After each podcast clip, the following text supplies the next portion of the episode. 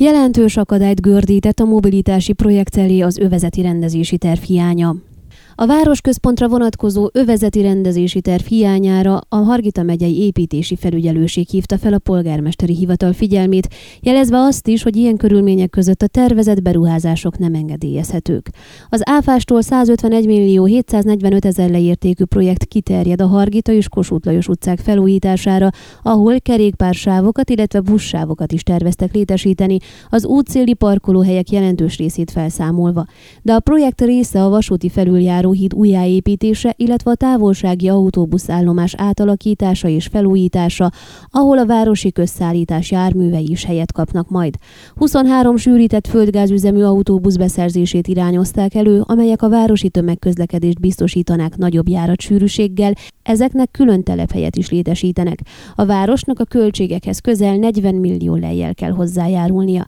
Korodi Attila polgármester kérdésünkre korábban azt mondta, az övezeti rendezési terv elkészítésének szükségessége már évekkel ezelőtt a projekt előkészítése során felmerült a szakmai viták során, de akkor az volt a korábbi városvezetés döntése, hogy enélkül kell haladni előre.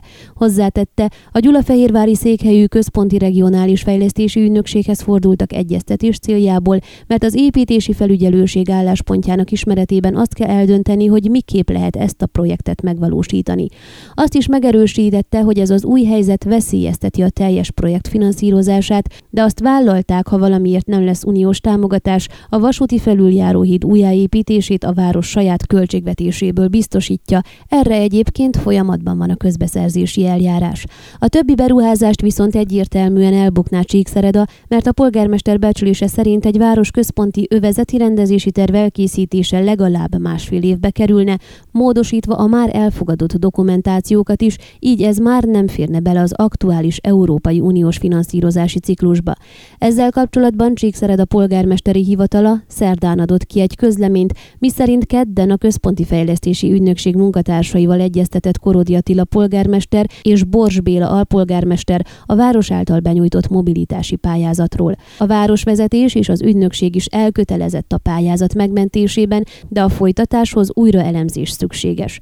A Kossuth Lajos utca felújítására vonatkozóan a közviták sem voltak megfelelően előkészítve, de ennél is súlyosabb probléma, hogy a Brassói Regionális Építkezési Felügyelet álláspontja szerint a városközpont naprakész övezeti rendezési tervének hiányában ilyen mértékű beavatkozás nem eszközölhető, fogalmazott a sajtóanyag szerint Korodi Attila.